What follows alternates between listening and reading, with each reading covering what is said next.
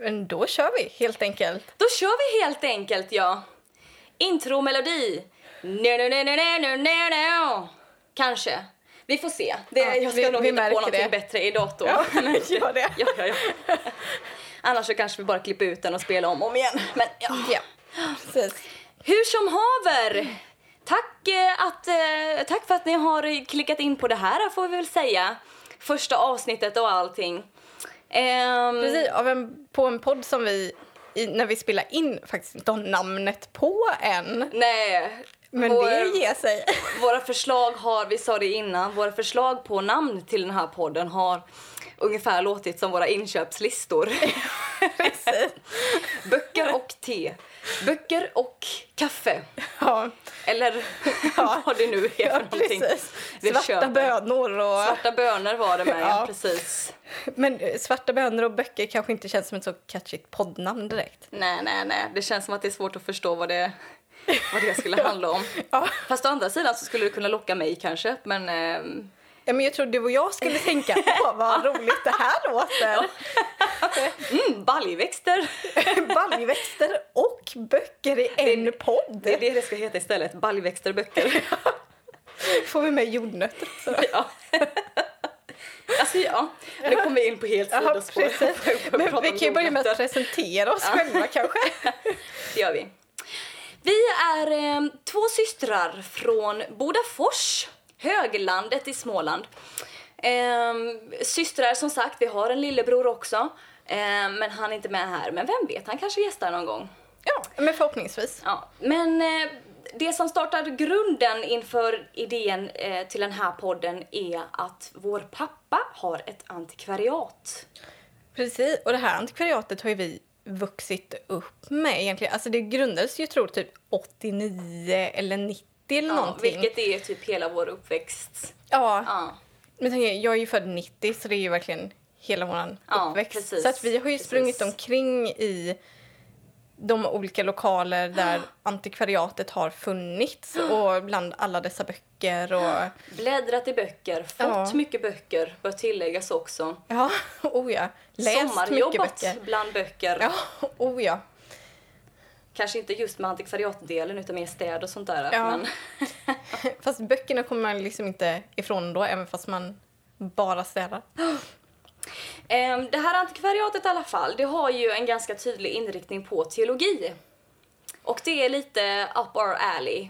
Ehm, Mm, ja, men precis för vi båda har ju pluggat teologi. Ja, Och jag jobbar ju i en församling som pastor och föreståndare nu. precis. Ehm, jag däremot, eh, ja, ska inte jämföra min teologiutbildning med Hannas. Ehm, kanske också bör tilläggas, jag heter Lydia. och jag heter Hanna. Precis.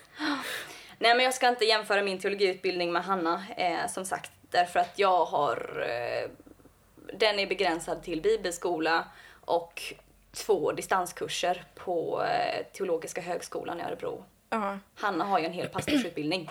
ja precis. den är inte helt fulländad egentligen än. Men jag ska ju få klart den också. Ja. Helt. Men jag har ju Jag ska säga det också för den delen. Jag säger att jag har läst två kurser fast jag har inte tentat av den ena än. Men vet, man har två år på sig så jag är Ja, sådär, ja men jag hinner, jag hinner. Ja, jag, tänker, jag har ju min uppsats kvar och sådär. Men det, jag tänker att det löser sig. Det är klart det gör, allt löser sig. Ja, ja. Till eh, den här eh, dagen i alla fall.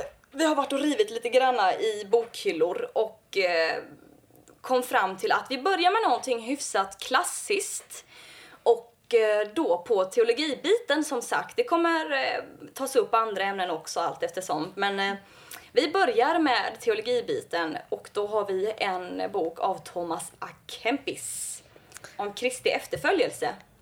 Precis, och det är ju verkligen en sån superklassiker inom eh, Alltså, kyrkan, vet men också mer Om. världen. Är liksom, du, vi gick omkring bland bokhyllorna och Hanna, ja, vi, om vi ska börja med någonting klassiskt så kanske vi tar någon Thomas A. Kempis så jag låtsas liksom Ja. förstå vad du pratar om. Typ. så, ja, det blir jättebra. Ja. ja, men vi var rotade bland klassikerna, lite Thomas A. Kempis och Augustinus och eh, ja, men de gamla gubbarna där. Um, tänkte det kan ju vara att inleda med några med redig klassiker. Men jag ska säga det, alltså hade jag in- inte vad ska man, hade jag inte läst på lite granna om Thomas A. Kempis själv och eh, vem han var och när han var så hade jag förmodligen inte ens fattat att det här är så gammalt som det är. Om man bara hade gått rätt in på att börja ja, läsa. Ja, precis. Nej, men det är ju inte så nödvändigtvis att man fattar när man börjar läsa boken att jaha, den är liksom så här pass gammal. Ja, alltså, vi kan det är för mig på baksidan till och med. ja, du, jag läser... Ja, i mer än eh, 3000 utgåvor bara efter boktryckarkonstens tillkomst har den under den här boken alltså under mer än 500 år givit människor tröst, uppbyggelse och ledning. Det är det med smör på. ja. Nej, men för Thomas. Kempis, han, eh, om man drar lite bara kort om honom. Han eh, föddes ju cirka 1380. Ja. Eh, men sen vet man ju att han dog då 1471 och att han eh, tillhörde eh, en klosterorder, Augustiniorden, eh, och att han verkade i Nederländerna. Om jag minns rätt nu.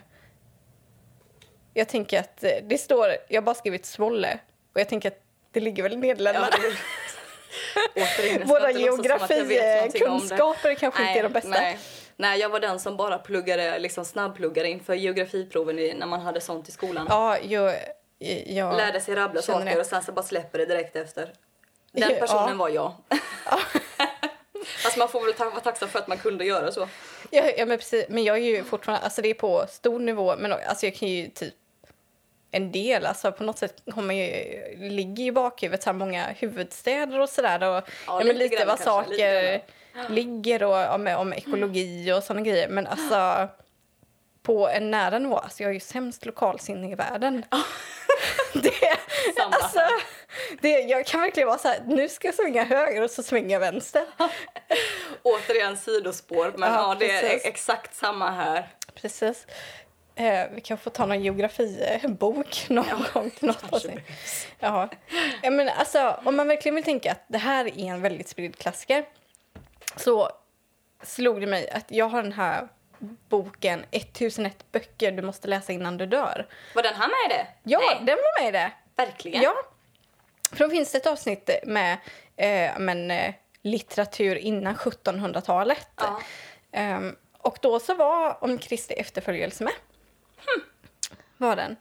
Eh, Vad, och var då, för, vad var det för annat som är innan, eh, vad sa du, 1700-talet? det var ju det var ju några böcker ur Bibeln, typ Uppenbarelseboken. Nice. Japp. Och sen så var det lite andra såna här, alltså typ Gilgamesh-påset och lite såna grejer med. Och sen så lite andra såna här antika skrifter som man kanske har hört namnet på någon gång. Mm. Men eh, sen vet man egentligen inte så mycket om dem. Eller att man typ sett en filmatisering av Odysseen eller någonting Ja, på sin precis. höjd. Ja. Ehm, Ja men för, ja, det var det jag tänkte liksom, vad har man för böcker där innan? Det känns som att det är liksom eh, antika draman och teologi. Ja, ja, men ungefär så kan man ju sammanfatta det. Antika draman och teologi. Ja men, intressant. Ja, men det var lite roligt. För då stod det så här, kort om den, att eh, den näst eh, Bibeln mest spred, spridda and... Vilken dålig inledning. Den näst Bibeln spridda av andaktsböcker är denna bok. Helgon har hyllat den. Påven Johannes Paulus den förste läste den när han dog oväntat 1978. Mussolini studerade den i fångenskapen. Nämen. Länge ansågs den vara skriven av Thomas A. Kempis på 1400-talet men mycket äldre manuskript har på senare tid hittats. Och sen så går han vidare lite och citerar. För att sammanfatta. Den här tillräknas alltså som andaktsbok? Ja, Enligt den, till, dem ja, åtminstone? Ja. den, den tillräknas som andaktsbok. ja, för det var precis det. Det är en av mina anteckningar som jag skrev ner när jag höll på att läsa det här. Ja. Att eh, det här skulle nog med fördel kunna läsas som en andaktsbok. För det För var det ju är det här korta, kompakta texter. Ja, jag, jag satte precis. mig ner och försökte börja sträckläsa först men jag kände bara, "Nej, jag måste liksom Ja, jag vet jag måste, jag måste ge lite luft mellan, Ja. mässa, Oh, mellan ja. vissa partier därför att annars kommer jag kommer, eh, kommer det bara liksom vara ord över huvudet på mig. Oh ja. Oh, Man vill, man vill ju på något sätt att, eh, för, för grejen att det, det, det är inte dåligt. Och då, Nej, det, då är det synd ifall det som sagt Ja, bara det går över huvudet på en. Liksom. Ja. Ja. Ja, men som det stod i 1001 böcker att det lär ju kanske inte varit Thomas A. Kempis själv då som har skrivit boken. Nej. Men att man vet i alla fall att han har redigerat den där under sin livstid. Eh, och ja, men säkert skrivit ner den där i klostret där han satt. Eh, och att den har fått spridning mer därefter. Eh, inte bara inom klostren utan utanför också då. Mm. Ehm, men att eh, ja, men den är den är tillskriven Thomas A. Kempis just för att det ja, man trodde det var han som hade skrivit den från början men idag vet vi att han har redigerat den men någon annan har troligen skrivit den innan honom. Mm. Sen kanske han har liksom lagt till, dragit ifrån saker som vi inte vet. ja, lite intressant. Yes. Men som sagt, jag, eh, när man läste det här så, så det, som, det som slog mig mycket var just att det, det, det här hade lika väl kunnat vara en modern bok. Det är klart att, att Absolut. språket är lite gammalt. Men, Ja, ja. eh, men eh, För jag vet inte vilken översättning du hade men jag hade någon sån här härlig från översättning från 40-talet så det är Ja, verkligen så sån här coola. 40-tals svenska eh, den typen av översättning och den är ju väldigt härlig och rolig att läsa Printed in Sweden 1962. och då hade du lite modernare översättningar men jag hade kanske Sjätte upplagan är det här ja som jag tog. för jag tror att det var till och med något ord som jag var tvungen att slå upp för att jag Ja. fattade inte. Jag var så här, vad är det här för ord? Jag, jag har aldrig stött på det innan. Men, men, men innehållet som sagt är, är väldigt alltså, dagsaktuellt också.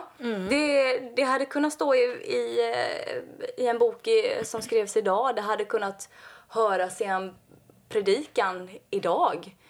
Men, men jag tror att det går mycket tillbaka till eh, alltså så som han själv pratar om här, att eh, allting går tillbaka till ordet. Och eh, han är ju inne på det här i, i olika varianter och vid, vid flera tillfällen om eh, ordet versus vad, eh, vad människan tänker och ordet versus hur världen fungerar Ja, och sådär och ställer allting eh, och, sin, och alltings utgångspunkt ifrån ordet.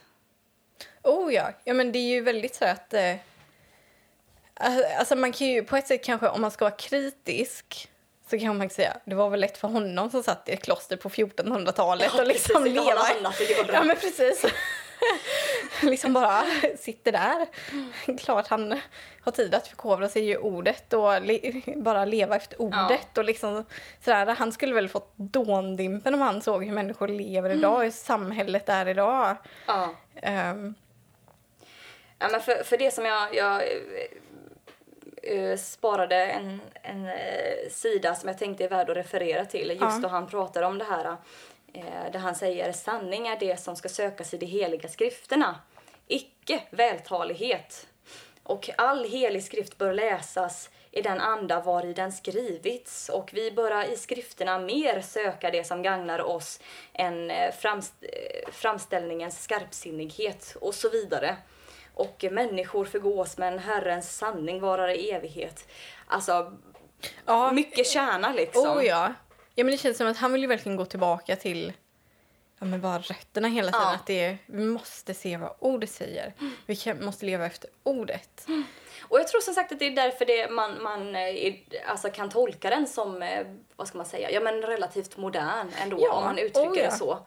Därför att ehm, vad, är, vad är det studier säger? Det kanske du har koll på. Men jämför man eh, en bibelöversättning från idag med eh, eh, äldsta bibelöversättningen som eh, finns tillgänglig Mm. så är ju innehållet innehållets likhet på, vad är det, 90... Vad är det, 97, 98 procent? Någonting där omkring. Ja. Jag har lite dålig koll. Jag, är- jag är inte så jätteduktig Ja. på det här med textkritik och liksom de grejerna. Men, Nej men det är sånt men som jag har läst och hört ja. någonting Ja, om. men för jag har inte precis. Låter- siffran i men det huvudet. låter men det är liksom... någonting eh, jag har i bakhuvudet. Ja, sådär. precis. Och då snackar vi liksom om att den tidigaste kända eh, alltså, bibelreferensen då man har, eh, bibeltexterna som man har att jämföra med är ju från eh, ah, det kommer jag inte heller ihåg. Jag ska inte uttrycka mig om det nog förresten. Ja. Jag ska inte gissa på någonting. Men, Ja. det, men det är rätt bra tillbaka långt i tiden. Ja, ja, ja. Men, men, men eh, för, för annars så finns ju talet ofta idag om att, eh, ja, att eh, Bibel och kristendom och tro och så vidare bör, bör ta med en nypa salt därför att Bibeln är ju inte densamma som Ja, den har ja, varit men förut. Man har ändrat det så mycket med tiden. ja. Och, eh, Men eh, man har lagt till så man har- ja, mycket precis. och man har Ja. ändrat. Och, Man har ändrat det efter människans utveckling och sådär. Men, men som sagt, eh, på rent faktliga studier i det hela så, så är innehållet detsamma. Det är någon liten procent som, som skiljer åt och det är väl säkert på grund av språklig differens. Ja, ja. Jag menar att man också vet liksom att, ja, men typ som ja, men i Johannes evangeliet att eh, den här eh, texten om äktenskapsbryterskan, den kanske inte var med i från allra första början, Nej, men den har precis, lagts men till ja, senare. Ja, men, det gör ju inget, det är ingenting det- som förändrar budskapet. Nej, nej, det förändrar ju inte budskapet och det är inte som att det har lagts till många hundra år senare Nej. utan är en någorlunda snar framtid eh, eller eftertid där liksom Mm. efter Johannes skrev. Men det, men det är just därför det bör vara så att ifall, ifall vi har då en, en teologisk undervisning som är från flera hundra år tillbaka men som ändå är alltså, nära Bibeln så bör det vara likt en, en undervisning idag som är nära Bibeln. Ja, ja men, och jag kan ju tänka det ibland. En del säger ju, pastorer säger det att ja, men, när man predikar, att, men, när man kanske ska till något annat sammanhang, att men jag använder den här predikan som jag har haft innan i den här församlingen. Eh, för att jag vet att det här är evangelium, Ja. det här jag predikar. Så Ja. jag måste inte uppfinna hjulet på nytt varenda gång. Nej, nej, jag nej, vet att om det är en bra predikan och jag tror att det här kan vara gott för den här andra församlingen att höra med, då måste jag inte skriva en i princip likadan predikan. Nej. Ibland gör man det, men ibland så känner man att ja, men jag kan ta den här predikan så kanske man tweakar någonting då för att passa det sammanhanget där man är i. Eh, ja, men, eh, och så är det ju liksom med andaktsböcker eh, böcker med. Om det är evangelium så är det evangelium vare sig det skrevs liksom på 13-1400-talet eller idag. Ja, precis. Nej men och det tycker jag, det tycker jag man märker här faktiskt. Ehm, ehm,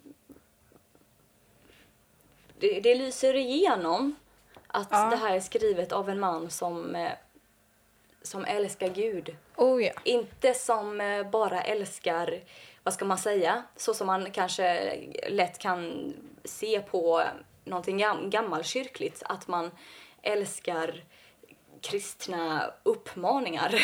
Nej. Ehm, och eh, det kristna rättesnöret, Mm. så att säga. Utan ehm, det lyser igenom att det, det är skrivet av en man som älskar Gud. Mm. Ja, men precis. Ja, men och, om man går in då liksom är på titeln om Kristi efterföljelse så är ju det liksom, om man ser det övergripande stora temat att Ja, precis. vi ska följa Kristus och Ja. vi ska efterlikna honom Ja. framför allt. Så det känns som att den här boken hade lika gärna kunnat heta eh, i Kristi efterliknelse. Ja, ja precis. Och det, det, det är ju ändå alltså, kristna uppmaningar och den biten väldigt konkret med dessutom. Oh ja, väldigt det. konkreta grejer. Tänk på det här. Undvik det här. Ja. ehm, dra dig nära, nära skriften och så vidare som sagt. Ja. Det, det är väldigt konkreta uppmaningar. Men, men eh, det, det är med, eh, med en missionsanda i det. Om man kan uttrycka det så. Alltså med en, en nöd för människor. Att du behöver ha tag i det här. det här är viktigt, det här är viktigt för dig. Ja, ja, Inte liksom att eh, det här är viktigt för mig att få eh, att få prata om därför att jag ska undervisa. Nej, och det säger han ju själv, Det handlar att det inte här om med uppmaningen i sig självt, och utan- undervisning, det är, liksom, det är ingenting. Liksom. Vi ska inte sträva efter det, Nej. utan det är ju, vi ska sträva efter att efterlikna Kristus. Ja. Ja. Nej men som sagt, jag hade den sidan som jag tänkte att den eh, tror jag eh, summerar och eh, sammanställer kärnan av mycket av det han pratar om. Ja, det här med att precis. sanningen ska sökas i de heliga skrifterna. Det var sidan 23. Hade du något sånt där ställe där du kände att det här är Power, liksom. riktigt bra? Ehm, jag hade väl en grej som också fanns i den här 1001 böcker som ett citat. Eh, som var eh, om just det här med att efterlikna Jesus och älska honom och eh, avsvärja sig i den här världens sätt att vara och Ja. liksom göra. Eh, skrevs det så här. Kärleken till det skapade är bedräglig och obeständig. Kärleken till Jesus är fruktbärande och bestående. Mm.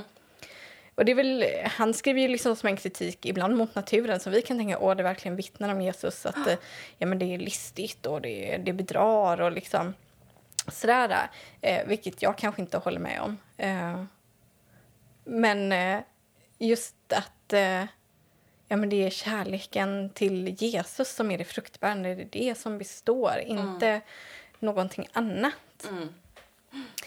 Eh, nej, men en grej som jag tänkte på annars med några sidor, det var väl att eh,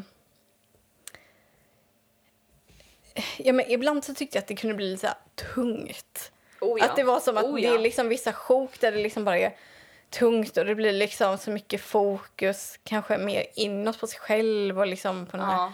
Alltså det är klart han vill uppmana till att man ska se att man, man står inför Gud som en syndare. Mm. Eh, att, eh, att det är så. Sen så kände jag att det blev lite så här, det blir lite mycket inåtkrökthet och det blir liksom, ja men det blir också ja, men bara väldigt tungt att man bara, ah, okej, det, ja, jag, jag måste inse det här och ja, det. Eh, och det känns som att det blev så mycket som bara liksom skulle hänga på en själv och att man liksom, nu måste jag göra det här och, och jag måste eh, klara det här själv och det liksom, eh, men sådär. Ja. Eh, ja, men, och hur, det, jag kunde känna lite så här, hur ska jag klara av att bli sån här eh, som han beskriver man ska bli. Eh, Och det är de konkreta uppmaningarna han gör och det är, eh, jag menar allting är, är ju inte, bara för att det är konkret så är det ju liksom inte lätt nej, nej, nej. alla gånger. Ja, men, och det är väl därför det eh, blir tungt ibland de avsnitten. ja. Man känner oj, hur jag, ska jag, jag, leva upp jag till vill ett gärna sånt här tro, ideal? Ja, jag vill gärna tro åtminstone att eh, det kan ha varit såna grejer som kanske har varit brottningskamp för honom också. Ja, För samtidigt så, absolut. så är han ju inne på nåden och vårt alltså, enorma behov av det. Absolut, det är han ju med. Ja. För det som jag tänkte då var... Såhär, när det var såna här tunga avsnitt, då kom det alltid något sånt här... Inte lika långa kanske, men avsnitt som ett då heter det om att älska Jesus över allt annat. Ja. Där liksom han vill eh, sätta fokus igen. Att, ja, men varför vill jag det här? Precis. Eh, att... Eh, ja, men, varför måste jag övergiva det här som jag har kärt? Mm. Ja, men, det är ju för att Jesus han vill ju bli älskad över allt annat. Och då får ju inte något annat stå i vägen. Mm. Och det, det är ju det här som håller. Eh, och just det, men den här passionerade kärleken till Jesus. När den lyser igenom så tydligt efter ett sånt här tungt avsnitt. Mm. Ja, men då blir man så här uppmuntrad och lättad och man bara ja, det är Ja, därför. Precis. Ehm, för det känns som att sådär, man nästan så går ner och bara nu tappar vi fokus här, nu blev allting väldigt tungt. Och sen Ja. så kommer det här och man bara ja, det är för att jag älskar Jesus. Mm. Och då behövs det ju att författarens egna Kristuskärlek Ja. lyser igenom. Annars hade det ju bara blivit tungt allting. Ja, ja, det hade precis, ju är bara det, blivit så så är det. lite blasé. Och eh, vad tänkte jag på nu då? Ja, det har jag nog redan glömt.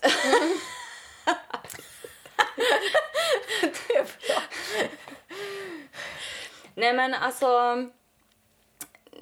Nej, jag ska, jag, ska, jag, ska, jag ska inte ordbajsa bara för att jag kan. jag tappade tråden på vad jag tänkte Ja. innan. Lätt hänt. Um, ja, men en grej som jag kanske tänkte på, som jag också um, funderar över. Det man märker att boken är skriven i en klostermiljö, till en klostermiljö från första början. Även fast budskapet är liksom väldigt, ja men det är för alla. Ja, Eh, det finns en anledning till varför den här boken har översatts och den har spridits och den har översatts igen och den sprids ännu mer. Ehm, det är ju för att det finns ett allmänt budskap som alla kan ta till sig. mm. Men det som kanske inte alla kan ta till sig var när eh, kanske hans kritik av andra ordnar när, som mer lever i världen, eh, alltså typ tiggarordnarna då. Mm.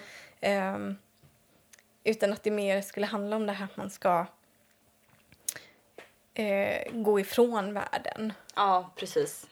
Eh, och man Och ska det- leva helt för Jesus. Det, det finns ju en tanke i det för, eh, för alla egentligen. På något sätt så behöver man ju ha ett perspektiv från världen. Ja. Men, men, eh, men det är klart, den normala människan är, ju liksom inte så avskild så att det enda man kan göra är att gå och reflektera på hur jag som människa står inför Gud och, eh, och teologiska Nej, djup och Nej men grejer. Ja. Ja, men, eh, det är inte, det är långt ifrån alla som har en kallelse att gå i kloster. Mm. Och sen är det ju så... Det är en väldigt vacker kallelse det, tycker det jag. är en otroligt vacker kallelse. Eh, och eh, jag kan ju ibland tänka så att man, man verkligen avundas de män och kvinnor som än idag liksom har den här kallelsen att... Ja, eh, så känner jag också ibland. Vad, um, det, det, det, det, har, det har nog absolut sina uppoffringar men, Ja. men samtidigt så ehm, ja, men när man ser dem... man måste nog ha en väldigt fantastisk Jesusrelation Mm. Oh, när man ja. verkligen tillägnar sitt liv åt att vara avskild på det sättet. Mm. För jag kan tänka när jag har... Nu har jag ju inte träffat jättemånga eh, nunnor så. Jag har aldrig träffat någon munk vad jag kommer ihåg nu. Eh, men eh, de nunnor jag har träffat, eh, ja men just den här kärleken och överlåtelsen de Ja, har. ja. Och man märker att det är det här de har vikt sina liv åt. Mm. Och det är ju någonting väldigt...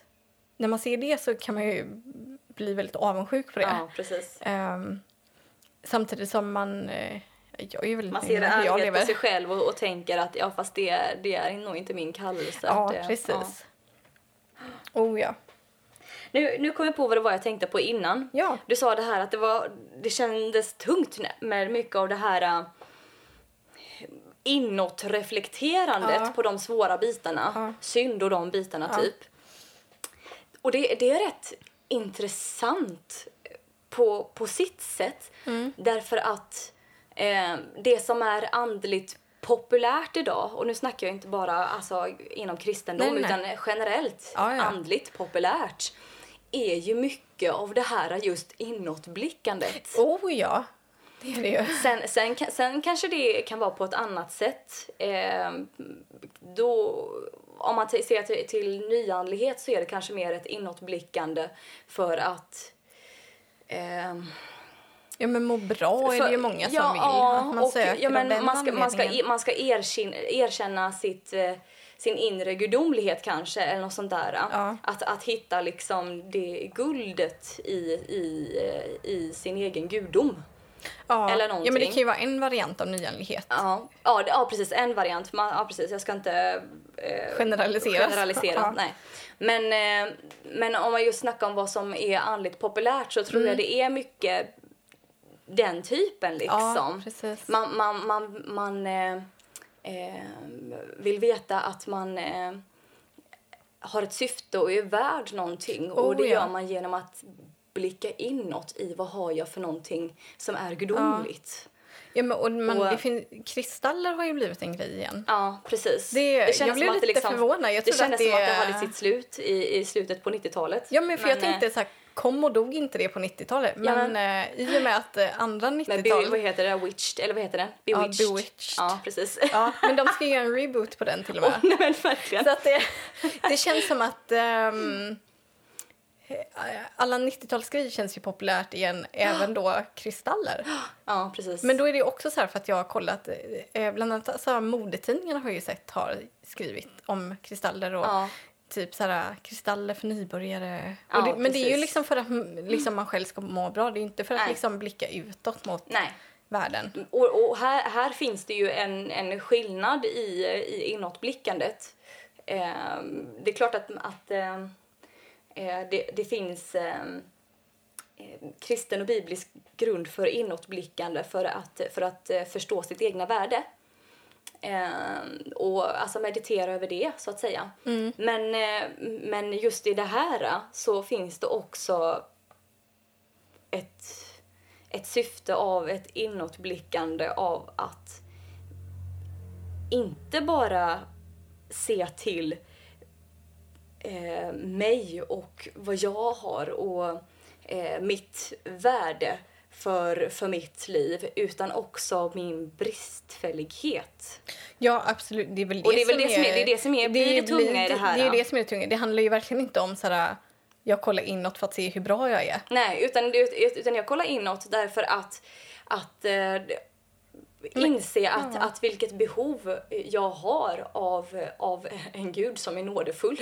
Ja, ja men precis. Som du säger, de här liksom eh, Kristusfokuserade partierna kommer efter de här tunga bitarna och det kanske behövs liksom för plötsligt så inser man att jag, jag, jag behöver verkligen ja, Gud i mitt liv liksom. precis. Jo, men inte För bara jag be- är inte all that hela tiden. Ja, men precis. Och inte bara att man behöver Gud, utan att man i grund och botten, man bara älskar Gud Ja. något så, och Ja. Kristus något så Precis. vansinnigt. Ja. Att Och det är inser därför- det ännu mer då liksom.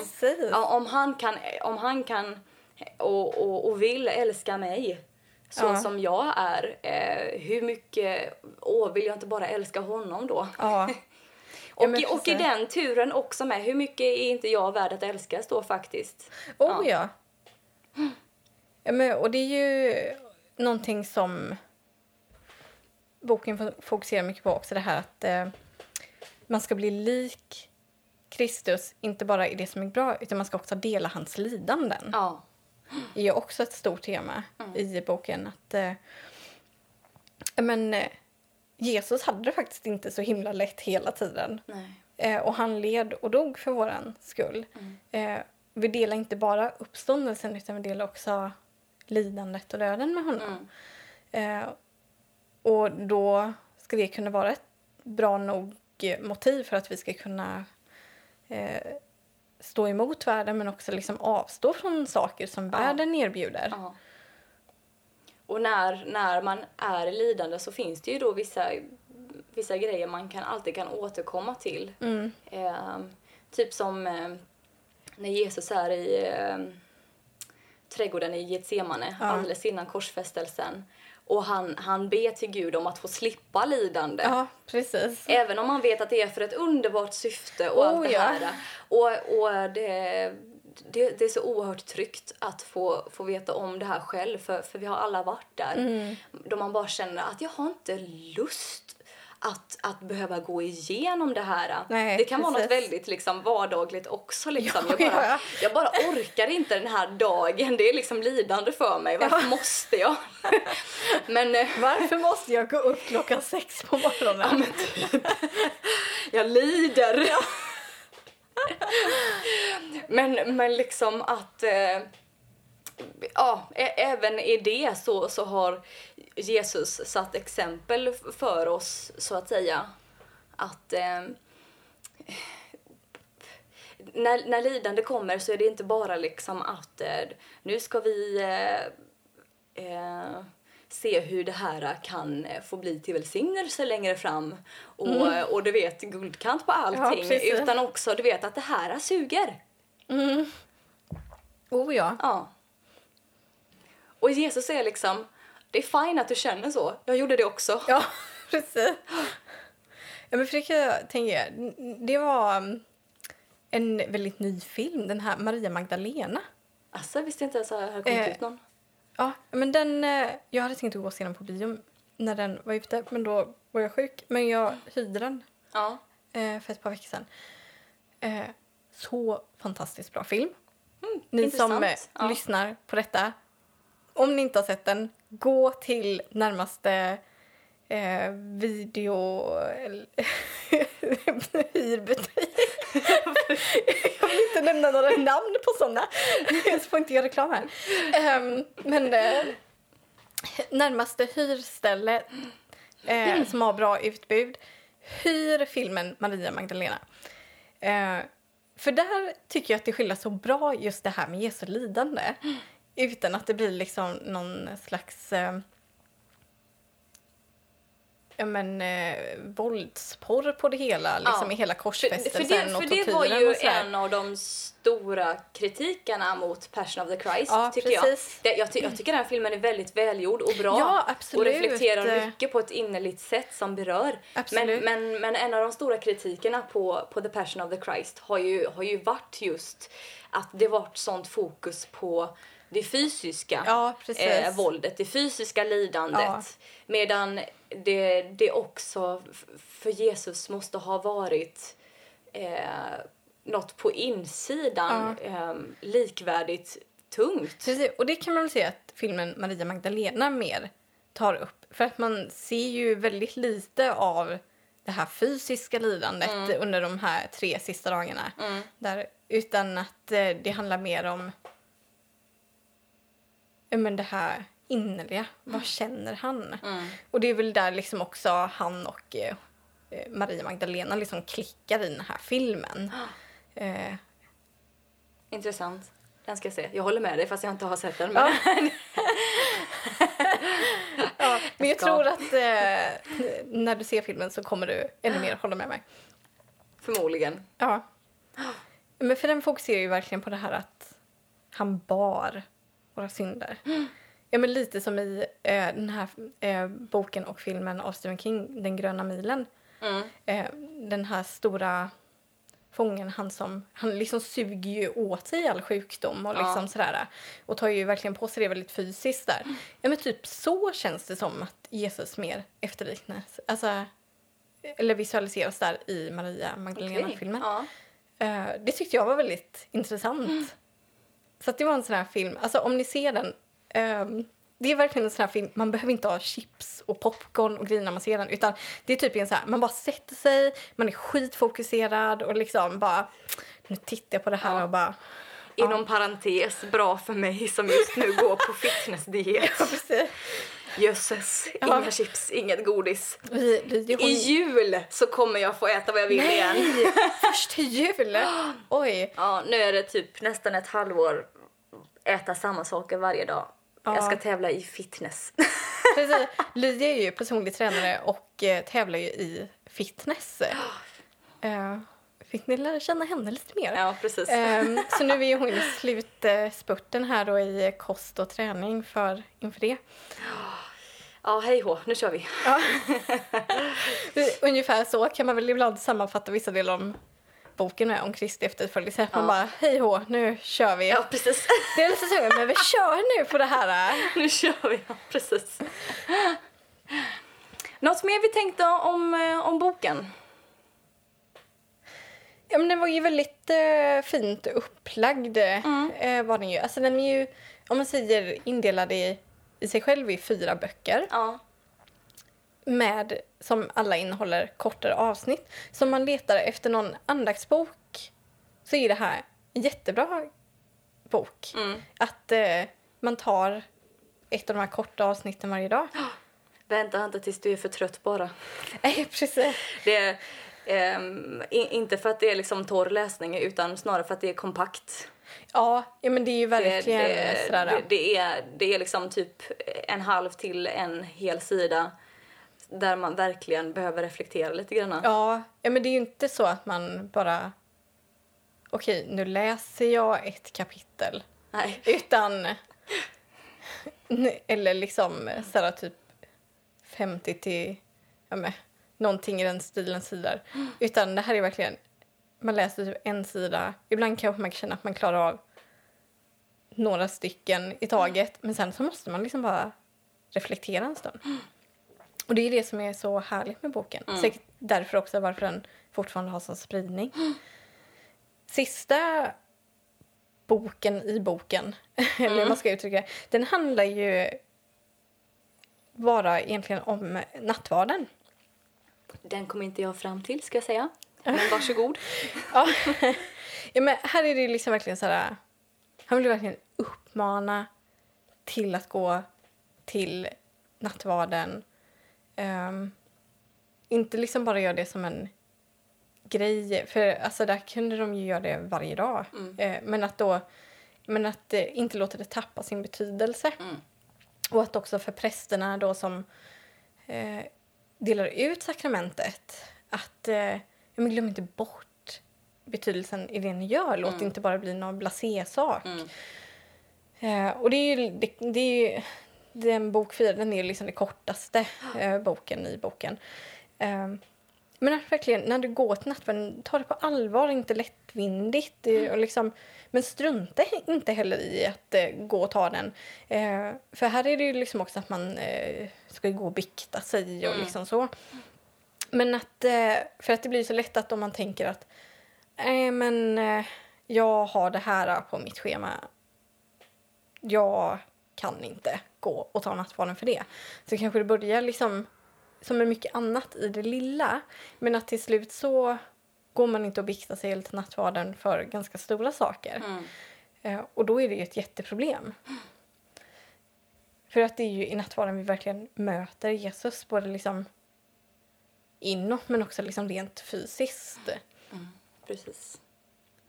Det, det är eh, en av de eh, bästa inledningarna till en nattvard jag har hört var just kring det här. Och då läste han från, det kanske var det här han läste från faktiskt.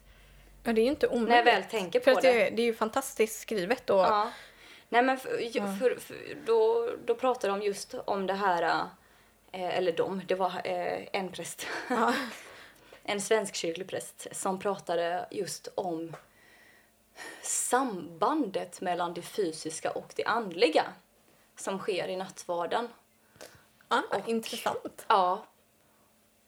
Och det var, det, var, det var ju på en eh, ungdomskonferens, så jag tror att det var att han ville liksom han ville undervisa un, ungdomarna liksom och, eh, och förklara nattvarden inför den.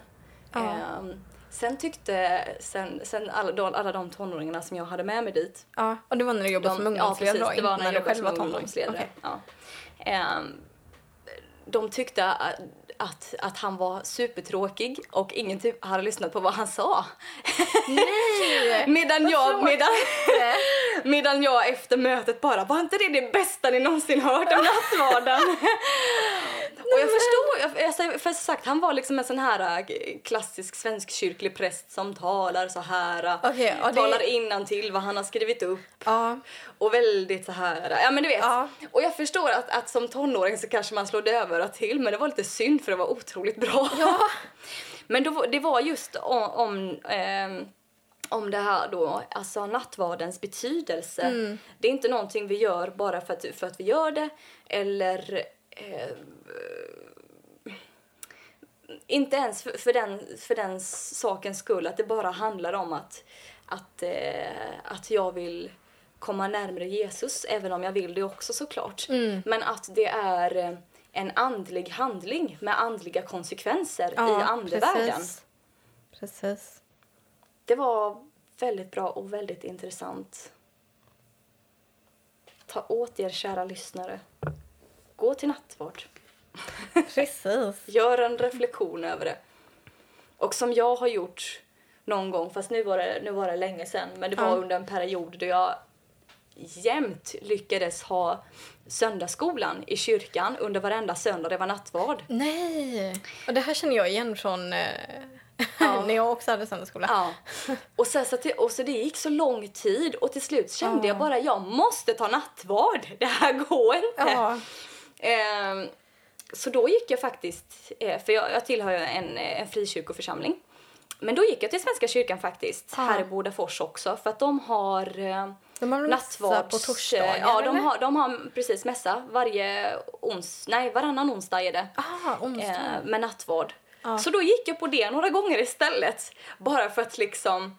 Eh, bara för att jag måste få ta nattvard liksom. Ja.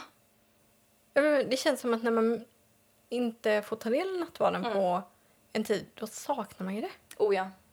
ja.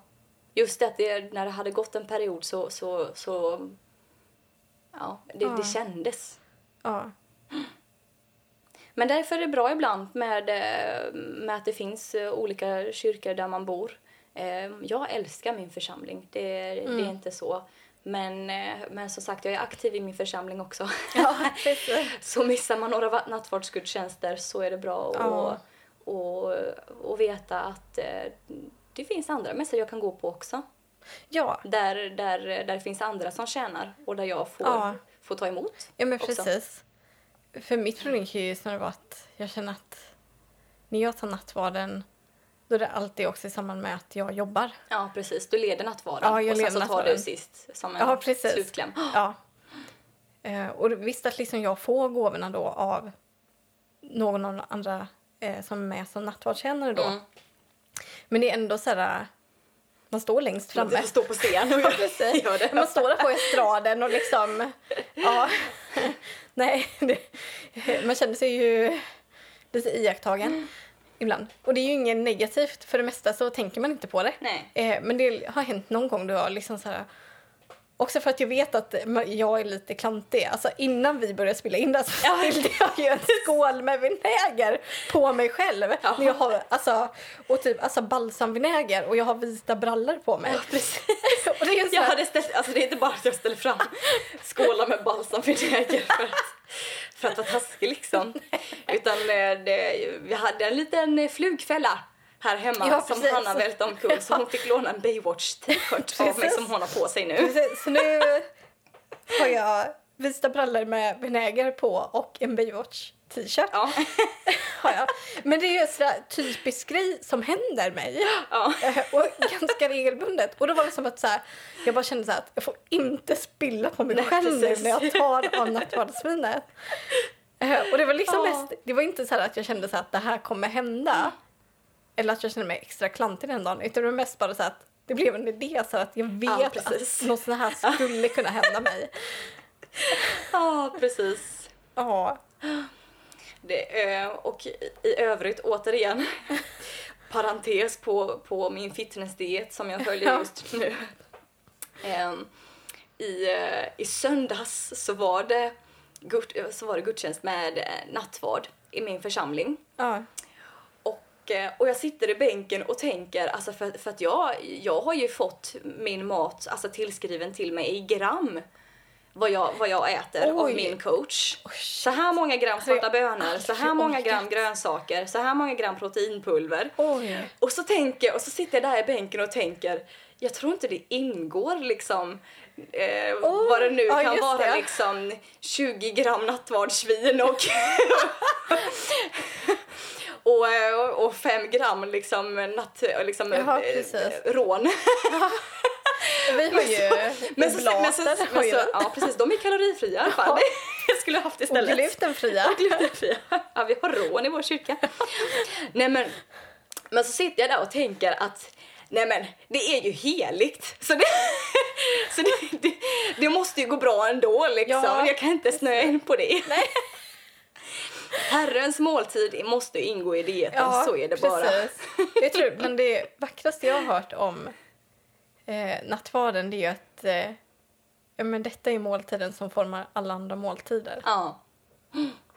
Jag vet att när jag hörde det, alltså jag vet inte hur mycket folk jag bjöd hem typ det halvåret efter jag hade hört det. Ja. Jag var såhär, "Ja, men jag vill bara vara så gästfri och jag vill liksom bara sådär, älska människor och Ja. liksom. Man behöver de där grejerna emellanåt med som Oh, ja. verkligen... eh, Ja, ja, som du säger, det kan vara liksom en mening bara men plötsligt så liksom bara Ja, säger men det. det, klickar och, så, eh, någonting. och så får det en, en följd Ja, i mitt liv. precis. Inte för att, för att eh, som vi har pratat om nu, alltså om praktiska uppmaningar, att man, gör en prak- att man följer en praktisk uppmaning bara för att det är en praktisk uppmaning. Men för att det har liksom resonerat inom en så att jag, jag, jag, jag längtar efter att följa det här. Ja, men precis. Och det kan jag väl känna var en av de med goda grejerna med att läsa den här boken var ju verkligen att Ja, men kanske inte att eh, jag för den delen skulle tänka så här, åh nu ska jag bli superradikal så. Men att man snarare ja, men blev sådär, ja, men bara fick en så här härlig god uppmuntran till att ja, men kanske för min del då våga blicka ibland lite mer inåt än vad jag gör. Men också att eh,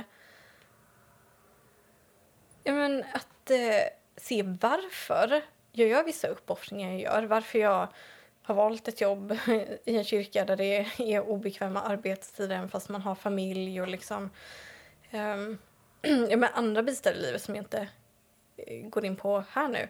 Men uh, där man kan tänka sig att uh, ja, men ibland så ah, varför gör jag det här?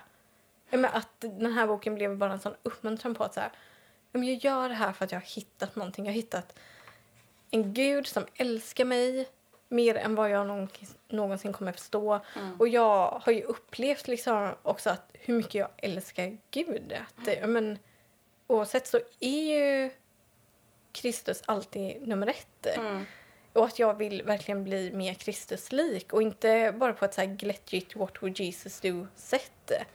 Utan verkligen alltså att det syns att man följer Kristus utan att utan att man ens säger att man gör det. Precis det jag predikade om för förra söndagen. Ja, Men det, men det ligger mycket i det liksom. Att eh, det får, får ehm, det man gör får bottna i eh, en kärlek för Kristus och, och också en, en uppriktig nöd för andra människor. ja men precis. Ja, därför att Kristi kärlek har liksom fått smitta av sig på en. precis. Och det är väl någonting som jag tänker till nästa avsnitt ge en liten um, hint här redan för den. Ehm, med uh, Levi Petrus. Eh, för då har vi ju läst ehm, en bok av Levi Petrus till nästa avsnitt. Yes. Eh, ja, men det han beskriver liksom den här kärleken som han har sett sina föräldrar smittas av, andra runt omkring honom smittas av och som han själv liksom blir drabbad av också. Eh, ja, men att han bara vill ge det vidare och det liksom men när han upptäcker det här så vill han bara leva för Kristus. Och det är ju så fantastiskt. Ja, Ja, men man får läsa de här vittnesbörden om människor som verkligen älskar Kristus där det har blivit någonting mer än bara att ja, man tror väl eller ja, jag tror väl kanske på Jesus och liksom där, utan man verkligen ser den här kärleken att här är någon som vill bli lik Kristus. precis. Det är så det ska vara.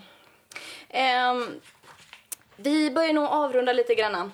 Ehm, men så, då som sagt, från en bok som är några hundra år gammal och eh, ännu relevant så hoppar vi lite avslutande till eh, en eh, nyare bok som jag undrar om den är så relevant. Den heter till och med, den har till och med 2.0 i sin titel. Vett och etikett 2.0. Oj. Håll dig uppdaterad som underrubrik.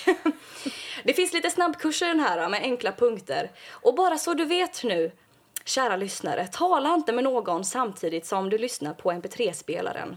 Och stör inte en mp3-lyssnare om du måste. Kom ihåg. Det var bra ord att avsluta med. Vi tackar så mycket för oss. Förhoppningsvis så har vi satt rubriken så att vi själva vet om det. Ja, Tills nästa precis. gång. Om inte annars, du vet säkert redan om det för det antar jag står uppe redan. Ja, Hurra för oss. Tack för att du lyssnade. tack, tack. Vi och hörs igen. vi hörs igen.